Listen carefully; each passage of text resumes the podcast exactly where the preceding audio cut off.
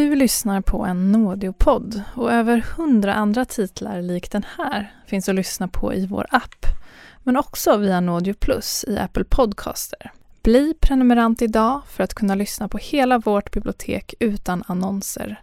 Och följ Nådio Docs för att ha koll på poddarna vi släpper gratis. Kurrar i magen och du behöver få i dig något snabbt? Då har vi en Donken deal för dig. En chicken burger med McFeast-sås och krispig sallad för bara 15 spänn. Varmt välkommen till McDonalds. En nyhet. Nu kan du teckna livförsäkring hos Trygg-Hansa. Den ger dina nära ersättning som kan användas på det sätt som hjälper bäst. En försäkring för dig och till de som älskar dig. Läs mer och teckna på trygghansa.se. Trygg Hansa. Trygghet för livet.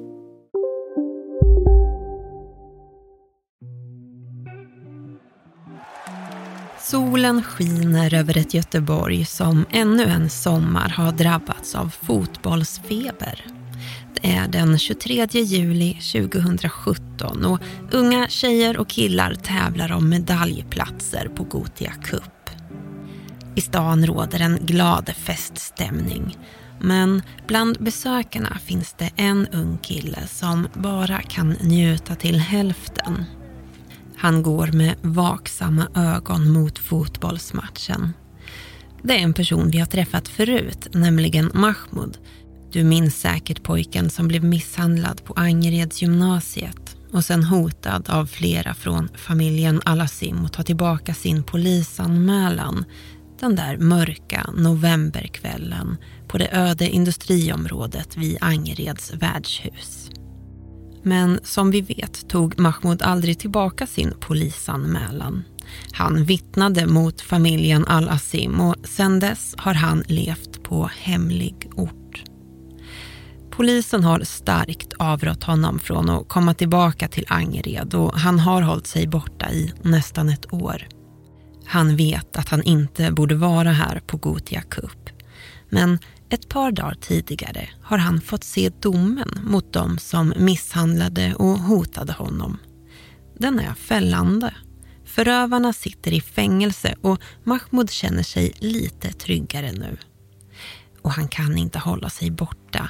Just den här matchen är speciell, för han har tidigare spelat i laget. Men nu får han inte spela mer. Fotbollstränaren vet att härvan med familjen Alassim inte är Mahmouds fel men han vill ändå inte låta honom vara med i laget. Det är för farligt. Tränaren har ansvar för hela laget och vill inte dra in något bråk med familjen. Så i år får Mahmoud nöja sig med att sitta på läktaren. Efter matchen går Mahmoud och hans vän Wahid för att köpa en pizza. På vägen till pizzerian hugger oron till. Känner han inte igen en av killarna som står och hänger utanför pizzerian? Men killen försvinner och Mahmoud försöker skaka av sig känslan av obehag. De stannar och äter innan de ska se en till match. Men när de lämnar pizzerian hinner de inte många meter innan det höga smattret från en moped får Mahmoud att stanna. Så han vänder sig om och så känner han, så han känner direkt igen den som kör mopeden som en av dem som har misshandlat honom. Och, eh, och det kommer snabbt några till liksom, så han blir liksom omringad, han och hans kompis. Och så blir han liksom helt förvirrad därför att han vet att de har dömts till fängelse. Så han vet att de borde sitta i fängelse. Vilket gör att han förstår ju ingenting. Vad är det som gör att de är ute? Eh, han har fått domen och han har sett domen. Vad är det som gör att de är ute och kan köra moped? Och grejen är att det var därför han åkte till Lövgärdet för att kolla fotbollen. För att han visste att de satt i fängelse. Och nu står de framför honom. Och han, han blir ju jätte jätte, jätterädd. Och de frågar liksom, var, varför har du kommit till vårat Angered och varför gick du till polisen? Det är 19-årige Salim Al-Asim som sitter på mopeden och som frågar ut Mahmoud. Han är storebror till Farid och Faras. Kommer du ihåg Farid som spottade på fönstret till McDonalds och Faras som en stund senare kom till Angereds gymnasiet i en mörkblå BMW?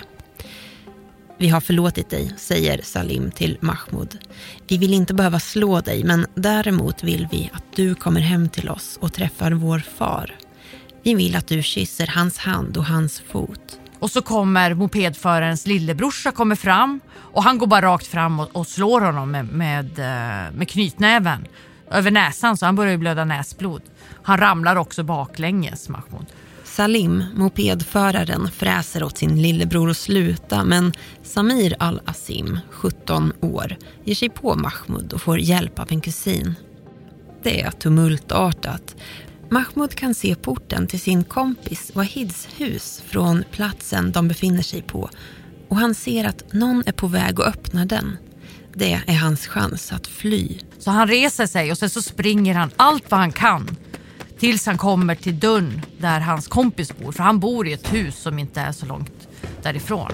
Springer upp för trapporna, upp på tredje våningen och låser dörren liksom och står där och bara känner hjärtat banka när han står där. Han är skiträdd verkligen och vet liksom inte hur han ska ta sig därifrån. Mahmoud ser genom fönstret att killarna står kvar utanför huset.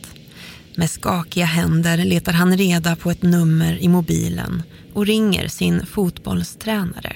Han som inte har låtit Mahmoud spela sedan bråket med familjen började.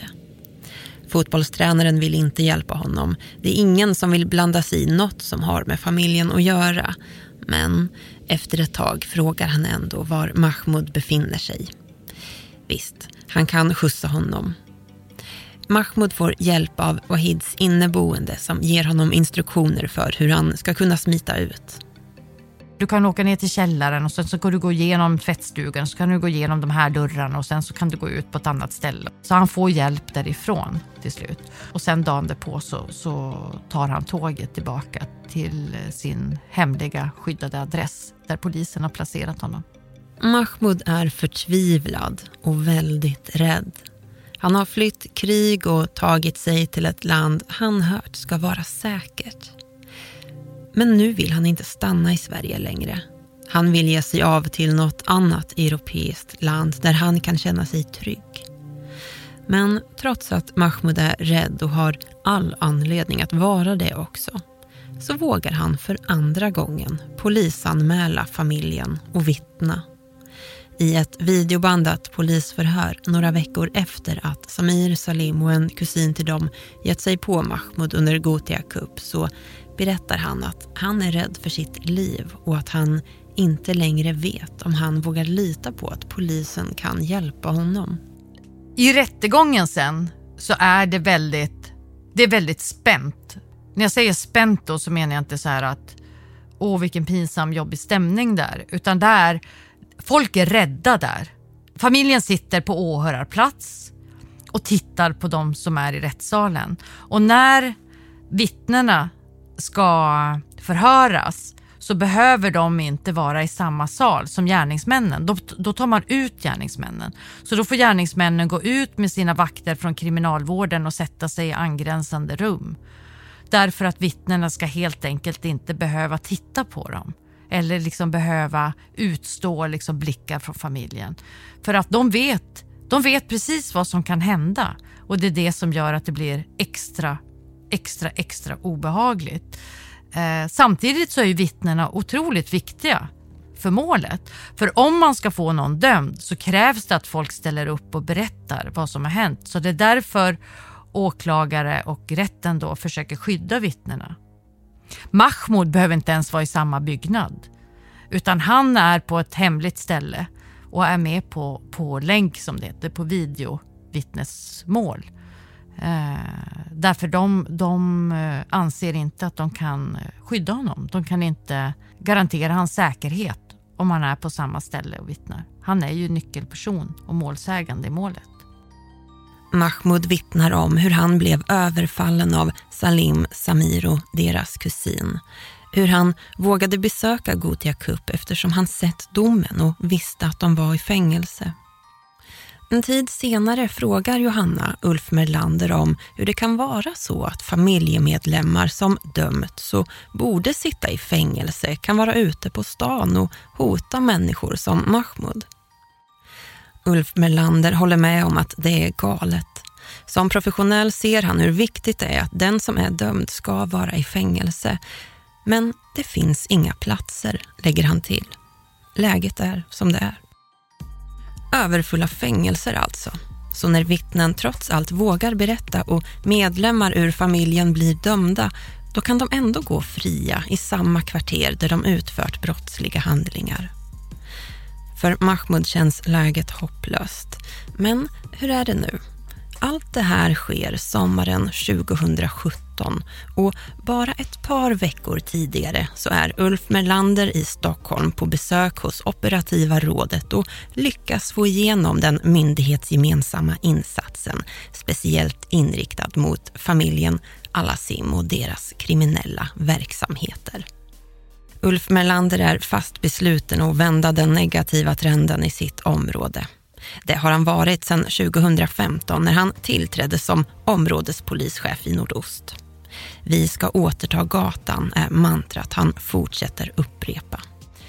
Ulf Melander är drygt 50 år. Han har arbetat som gruppchef för ungdomspolisgruppen på Hissingen men annars har han arbetat i nordöstra Göteborg, i Kortedala och i Angered under större delen av sitt arbetsliv. Och nu är han alltså högste chef i Angered och har fått ansvaret av operativa rådet att leda den myndighetsgemensamma insatsen mot familjen Alassim. Saker och ting kommer ändras från och med nu. Det vet Mahmoud än så länge inget om och det vet absolut inte någon ur familjen Alassim något om heller. Inte än så länge.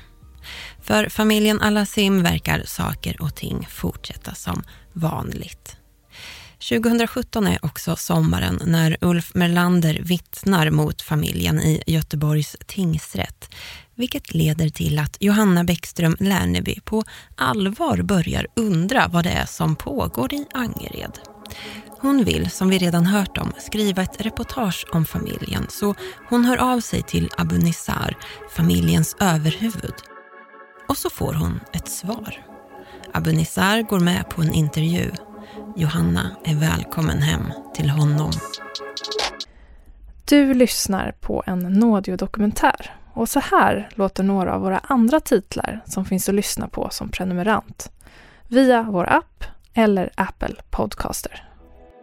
En vacker försommardag 1960 hittas tre ungdomar döda vid en vykortsvacker sjö i södra Finland.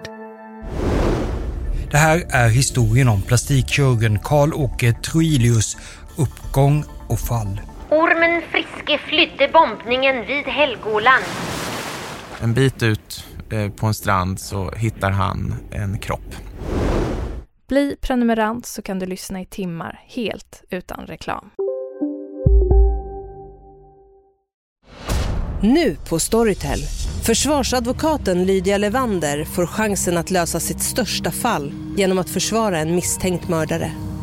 Hur långt är hon och kollegorna på advokatbyrån Pegasus beredda att gå? Fallet Mikaela. En ny deckare från succéförfattaren Anna Bågstam. Lyssna nu på Storytel. Hej, Susanne Axel här. När du gör som jag och listar dig på en av Krys vårdcentraler får du en fast läkarkontakt som kan din sjukdomshistoria. Du får träffa erfarna specialister, tillgång till lättakuten och så kan du chatta med vårdpersonalen.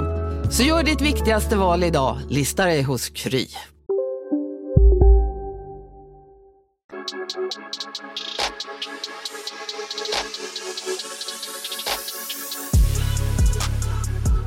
Du lyssnar på Familjen, en dokumentär i fyra delar baserad på reportageboken Familjen av Johanna Bäckström Lärneby. Det är Johanna Bäckström Lärneby som vi hör berätta. Namnen på familjemedlemmarna är fiktiva och det är också namnen på deras brottsoffer. Del 2. Maffia eller problemlösare. Jag och min fotograf, vi åker ju hem till Abu Nissar i Angered en fredagkväll. Johanna Bäckström Lärneby har alltså fått en intervju med familjens överhuvud för att skriva ett reportage för Aftonbladet där hon under den här tiden är reporter. Hon vill veta vad det här är för en familj och förstå mer om de rykten som sprids om familjen. Att de är en maffiafamilj och att de har stor makt både i och utanför Angered. Det är mitten av juni 2017. Klockan är runt nio. Och skälet till att vi åker på kvällen och att klockan är nio det är att det är Ramadan. Så Abu Nizar som är imam och muslim, han har fastat hela dagen. Och sen så har de en, eh, ska ha en festmåltid på kvällen, hela familjen. Och dit är jag inbjuden. Och jag är jätte, jätte, jätteglad för detta och förväntansfull. Jag tycker det ska bli otroligt spännande för jag vet att han och jag ser på världen på helt olika sätt. Där jag är uppvuxen i Sverige med en stat som jag litar på och som jag förutsätter vill mig väl. Och han är uppvuxen på ett ställe där staten inte är så stark och där han har en familj som han litar på och vill honom väl. Så vi har två helt olika sätt att se på världen kan man säga. Abu Nizar flydde till Sverige tillsammans med sin fru och deras barn i mitten av 80-talet. Familjen kommer från Libanon och vi ska återkomma till flykten, Libanon och inbördeskriget lite senare. Men nu står vi i ett sömnigt radhusområde i utkanten av Göteborg.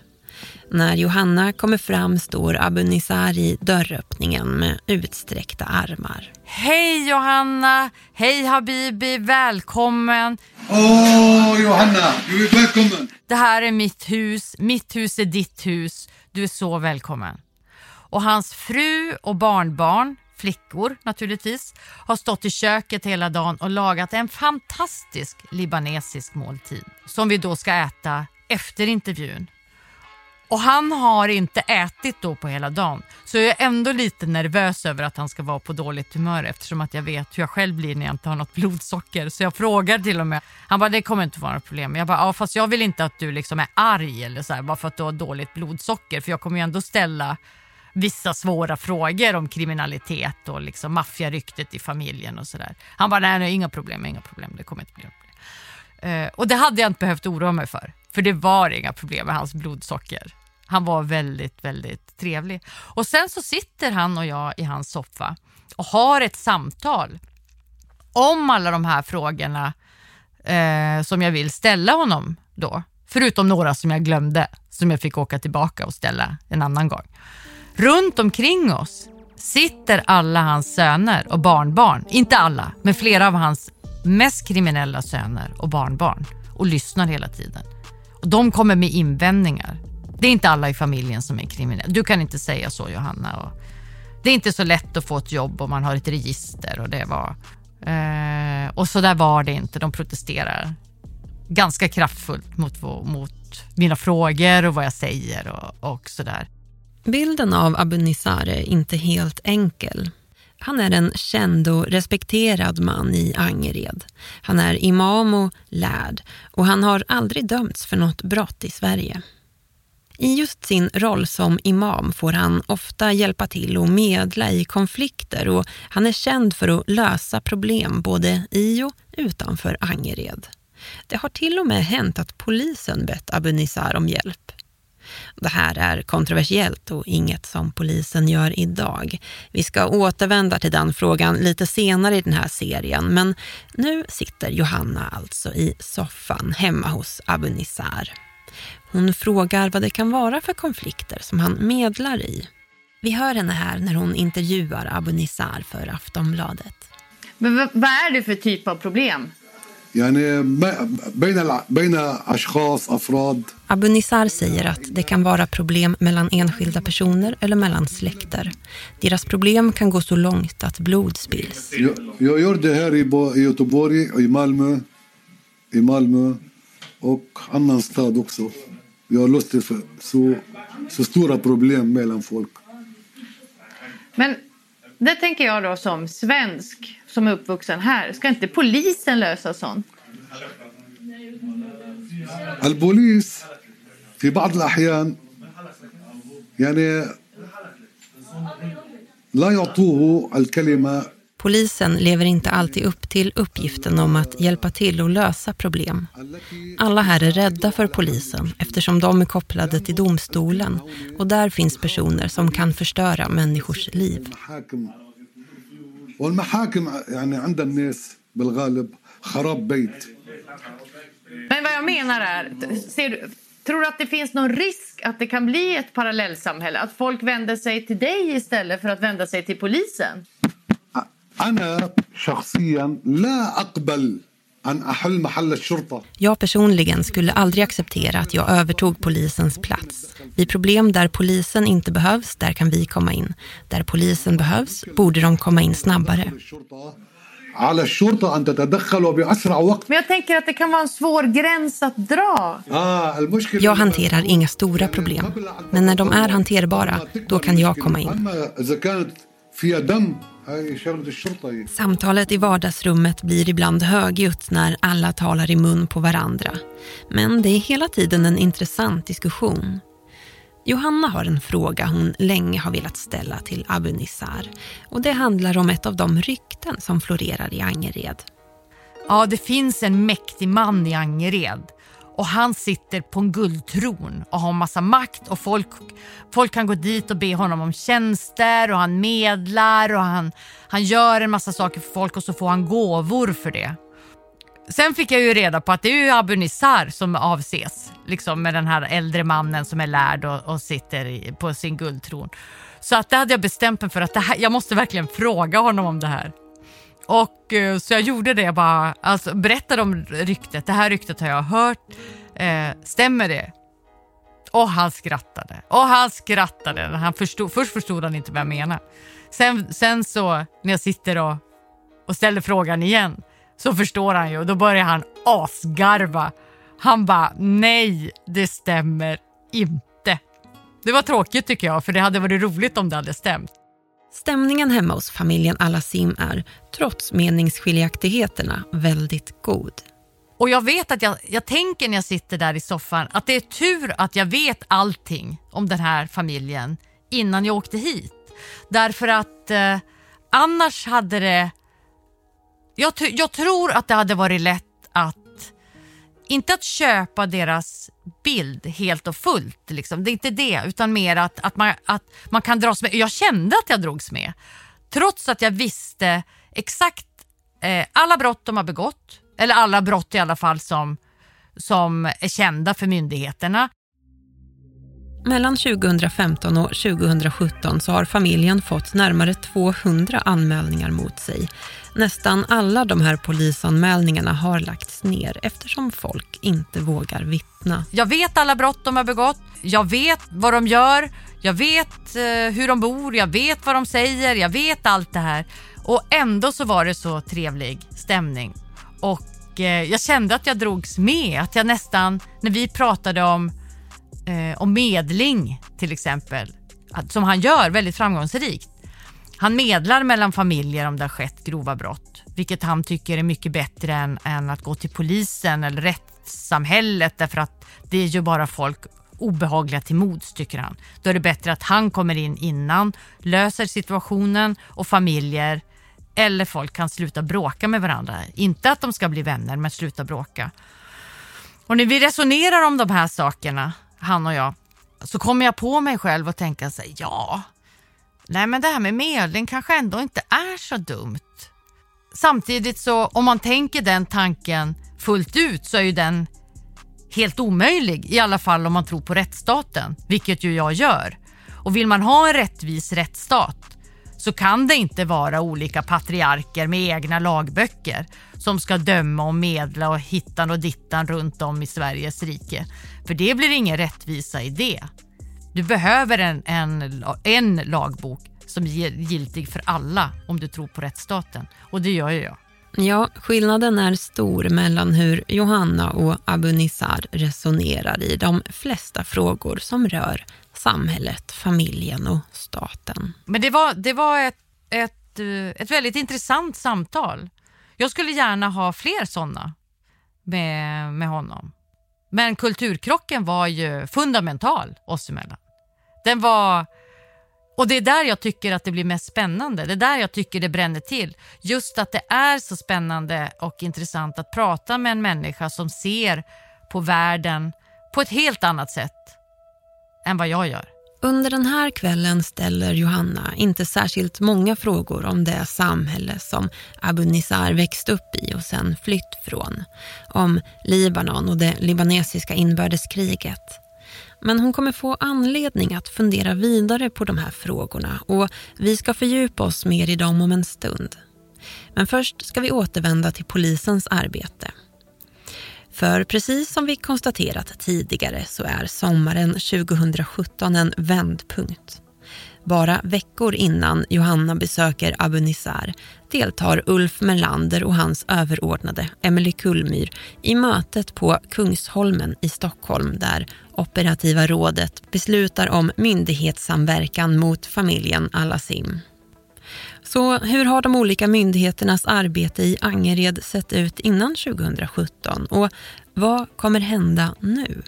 Innan operativa rådet fattar sitt beslut 2017 om att slå ut familjens makt i Angered så har man ju testat en massa olika saker. Alltså det är inte så att, och så är det ju de flesta utsatta stadsdelarna i Sverige, det är inte så att, att man inte gör någonting. Utan det har ju varit projekt på projekt på projekt i Angered. Eh, I Angered har man föräldravandringar, du har liksom skolan har projekt, du har fritidsgårdarna har projekt, du har människan bakom uniformen där brandmän och poliser är ute och pratar i skolan på fritidsgårdar med barnen och visar att de är människor bakom uniformen så man inte ska kasta stenar på dem. Bostadsbolagen har projekt, alltså det är en mängd olika projekt. Men ingenting har ju hjälpt på det här sättet som man nu vill göra från operativa rådets sida. Vilket gör att man då fattar det här beslutet 2017. Nej, inget verkar hjälpa och nu ska nya grepp till. Och beslutet som fattats handlar om att de olika myndigheterna som till exempel Försäkringskassan, Tullen, Skatteverket och så vidare samarbetar och delar information med varandra vad gäller familjen Alasim. En viktig sak som sker efter beslutet om myndighetssamverkan 2017 är att en liten grupp myndighetspersoner varannan onsdag strax före klockan 14.30 samlas i receptionen i polishuset i Hjällbo i Angered. Nu är de på plats och väntar på att bli insläppta av polisen Helena Eriksson som annars är operativ samordnare i Nordost och som är ordförande för de här myndighetssamverk myndighets Myndighetssam... Myndighetssamverkansmötena. Eh, ett långt krångligt ord. Och sen så går man in och sätter sig i ett sammanträdesrum runt ett vanligt konferensbord. Eh, och där tar alla upp penna och papper. Därför att här är det analogt. I Sverige så samkör vi inte register. Vilket såklart alla myndighetspersoner tycker att man ska få göra för det skulle förenkla deras arbete. Men ur integritetsskäl så kanske inte det är så trevligt om alla skulle kunna trycka på en knapp och sen kartlägga hela min historik från vaggan till graven när det gäller sjukdom och försäkringskassa och allting till exempel. Så det finns ett skäl till att, att man inte samkör register. Runt bordet sitter representanterna för Försäkringskassan, Skatteverket, Arbetsförmedlingen, polisen såklart och flera andra. Under varje möte går man systematiskt igenom de olika fallen, följer upp tidigare frågor och ser om något nytt har dykt upp. Där kan det till exempel låta så här då att eh, ja men här har vi en man född 1976. Han heter Khalid. Han säger att han är sjukskriven och att han inte bor med sin fru och barn. Men så kanske polisen ändå är säkra på att han gör det. Polisens representant undrar över frun Försäkringskassans representant slår i sina register och ser att Khalids fru får underhållsstöd och bostadstillägg tack vare att hon på pappret är ensamstående. Vilket man genom polisens arbete alltså nu vet att hon i praktiken inte är. Socialtjänstens representant säger att hon av dem får bostadsbidrag och försörjningsstöd av samma anledning. Arbetsförmedlingen fyller i med sina uppgifter det finns ett företag som får aktivitetsstöd för att maken ska jobba där, trots att han är sjukskriven, säger de. På det här sättet så går de igenom då familjemedlem, för familjemedlem om det finns anledning till att göra det. Även vänner och bekanta till familjen. Så de verkligen, verkligen har fokus på familjen och sätter dit dem för minsta lilla. Som du Abu Nisar skulle säga. Han skulle säga för minsta lilla. Men det här gör ju också att när Abu Nisar säger så här till mig att myndigheterna jagar oss bara på grund av vårt namn så är han inte helt fel ute. För det är exakt det de gör. Och det är exakt det beslutet som operativa rådet har fattat. Att vi måste slå ut familjen Al-Azims makt i Angered. Ja, polisen och samhället bekämpar familjens makt på alla fronter. Och för de som bor och arbetar i Hammarkullen och andra delar av Angered så är det här arbetet oerhört viktigt. Precis som Johanna Bäckström Lärneby tidigare sagt. För den som tror på rättsstaten är det omöjligt att gå med på att enskilda individer, familjer eller gäng tar lagen i egna händer. I Angered är det just det här som invånarna får uppleva. Att samhället inte kan hjälpa till när familjen tar kontroll över stora delar av området. Och än så länge är familjens grepp om Angered starkt. Det kommer en av invånarna få en smärtsamt tydlig insikt om nu. Vi ska träffa Adam. Det är måndagen den 19 mars 2018 och i den lilla cykelverkstan ställer Adam undan den färdigreparerade cykeln. Han slänger den oljiga trasan på arbetsbänken och tvättar av händerna. Magen kurrar, det är dags för lunch men just den här dagen har han inte mycket tid över till att äta för idag ska han möta upp sin vän Osman. Osman har lovat att hjälpa honom skriva ut ett par blanketter på biblioteket. Adam blir uppplockad av Osman i hans bil och tillsammans kör de till Kortedala torg som ligger en bit söder om Hammarkullen. Och så problemet är bara att det inte är så många parkeringsplatser precis utanför Kortedala centrum där, där de ska parkera och det är fullt. Och då säger Adam så här, men jag kan sitta kvar i bilen om du går och startar upp en dator liksom och förbereder. Så när det blir ledigt någon så kör jag in bilen. Absolut, Osman går ut eh, och Adam sitter kvar i bilen och byter åt till förarplats. Och så, så blir det en, en bil som backar ut Just som Adan ska köra in på den lediga parkeringsplatsen kommer en silverfärgad Mercedes fram och ställer sig bredvid honom. I den sitter Nisar, en av Abu Nisars äldre söner och hans son Samir. Det här är inte samma Samir som hotade Mahmoud på Gothia Cup utan en kusin till honom. Adan vet inget om familjen Alasim men han ser att föraren tecknar åt honom och vevar ner rutan. När Adan gör det sätter föraren fingrarna mot huvudet som om han håller i en pistol och säger att han ska skjuta Adan om han inte får platsen. Adan tror att han skämtar. Han skrattar, säger att han väntat länge på att få platsen. Då kommer båda männen fram till honom. Nissar öppnar Adans dörr och säger att han ska ha parkeringsplatsen. Annars kommer han slå Adan sönder och samman. Adan skrattar igen. Han tror fortfarande att det är ett skämt. Då böjer sig Nissar över honom. Och tar ett strypgrepp på Adan och trycker ner honom liksom mot sätet. Och han blir ju skiträdd liksom.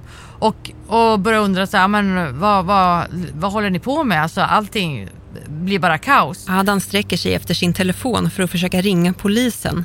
De två männen som han aldrig förut träffat talar med varandra. Den äldre, Nisar, kör iväg med Mercedesen. Den yngre, Samir, som är i 20-årsåldern, står kvar och säger åt Adan att lägga tillbaka telefonen i fickan. Samtidigt lyfter han tröjan och Adan ser pistolen i byxlinningen. Adan ställer bilen på parkeringsplatsen och börjar gå mot biblioteket. När han vänder sig om ser han att båda männen följer efter och att den äldre har ett järnrör i handen. Adan börjar springa. Då börjar de här två männen springa efter honom. Och sen minns han liksom inte så mycket till. Polisen pratar med honom i efterhand och då, det sista han kommer ihåg är att han liksom ligger ner och slår huvudet i en brevlåda på torget. Och så får han massa slag och, och sparkar och han bara försöker skydda sig allt vad han kan. Och han minns hur folk liksom kommer ut och skriker liksom och så. Människor på torget lyckas till slut avbryta misshandeln.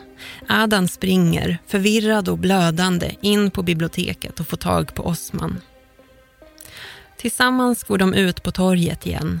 Väl där försöker människor varna dem om att de har bråkat med en känd kriminell släkt och att de borde fly. Helst fly från Göteborg med sina familjer och aldrig återvända. Trots det går Osman fram till männen och frågar varför de har slagit Adam. Det är sånt vi gör, får han till svar. Misshandlar somalier. Nizar går in på restaurangen vid torget. Där inne plockar han upp ett par knivar ur en besticklåda innan han återvänder. Under tiden tar hans son Samir bilder på Adan och Osman och lovar att de ska dö. Att någon kommer skickas för att avrätta dem. Sen hörs ljudet av sirener. Det slutar med att, att männen försvinner när de hör polissirener och det är massa folk som, som springer ut på platsen. Och det här är ju lunchtid så det är massa lunchgäster som sitter där och ser vad som händer. Också som, som kommer ut och, och ser vilka det är också.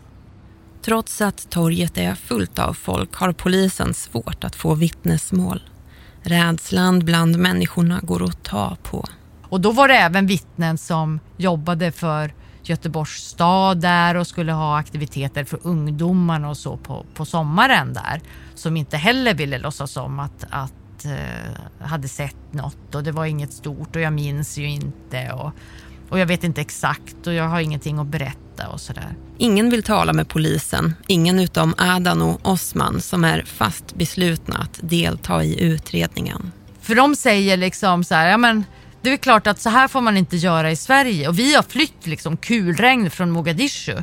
Det är klart att vi kommer att vittna, vi ska berätta om det här. Ja, Adan och Osman vägrar låta sig skrämmas. Men de förstår att det kommer bli tufft. Och när de återvänder till bilen ser de att alla rutor är sönderslagna. I en papperskorg bredvid har någon stoppat ner ett järnrör. En av polispatrullerna går till lunchrestaurangen på torget. Personalen där säger att de inte vill ha något med saken att göra. Ingen vill tala. Men som tur är finns det kameror på restaurangen. Och de filmar till viss del vad som sker ute på torget. Polisen begär att få filmerna. Restaurangägaren menar att han inte kan ge dem till poliserna men säger att en backup till dem finns på ett företag inne i Göteborg. Polisen kontaktar företaget och jo, hela händelseförloppet finns inspelat och det går att spara filmerna. Men 20 minuter efter det här samtalet ringer företaget upp polisen igen. De har nu pratat med restaurangägaren och fått veta vilka som förekommer i filmerna. Restaurangägaren har uttryckligen sagt att filmerna måste förstöras. Förundersökningsledaren, kommissarie Anders Klingberg, blir fullkomligt rasande. Han begär genast en husransakan hos företaget för att säkra materialet. Anders Klingberg har haft tillräckligt många ärenden som rört familjen Alasim för att veta att den tekniska bevisningen är avgörande eftersom både vittnen och målsäganden brukar vara för rädda för att medverka. Han vill inte se ännu ett ärende läggas ner på grund av brist på bevis. Han beordrar en husrannsakan hos företaget inne i Göteborg och där går man då med på att inte förstöra filmerna. Allt verkar ha löst sig. Men efter bara en kort stund får polisen ännu ett problem. De blir uppringda av företaget igen och mannen i telefonen låter skärrad. Han har hört att några män är på väg till företaget för att förhindra att polisen ska få tag i filmerna och han är livrädd. Två polispatruller ger sig genast av mot företaget. I telefon försöker de lugna personalen men skräcken har tagit sig hela vägen till centrala Göteborg. När patrullerna väl är framme är filmerna raderade. I nästa avsnitt. Det är lördag kväll och jag får ett samtal på mobilen från ett nummer som jag inte känner igen. Och det är en kvinna som, som ringer och är väldigt, väldigt, väldigt uppjagad och rädd. Och vädjar till mig att jag ska hjälpa henne. hon är företagare och behöver hjälp med, med familjen. Johanna blir kontaktad av en kvinna som hamnat i familjens klor och polisens arbete fortsätter och börjar ge effekt.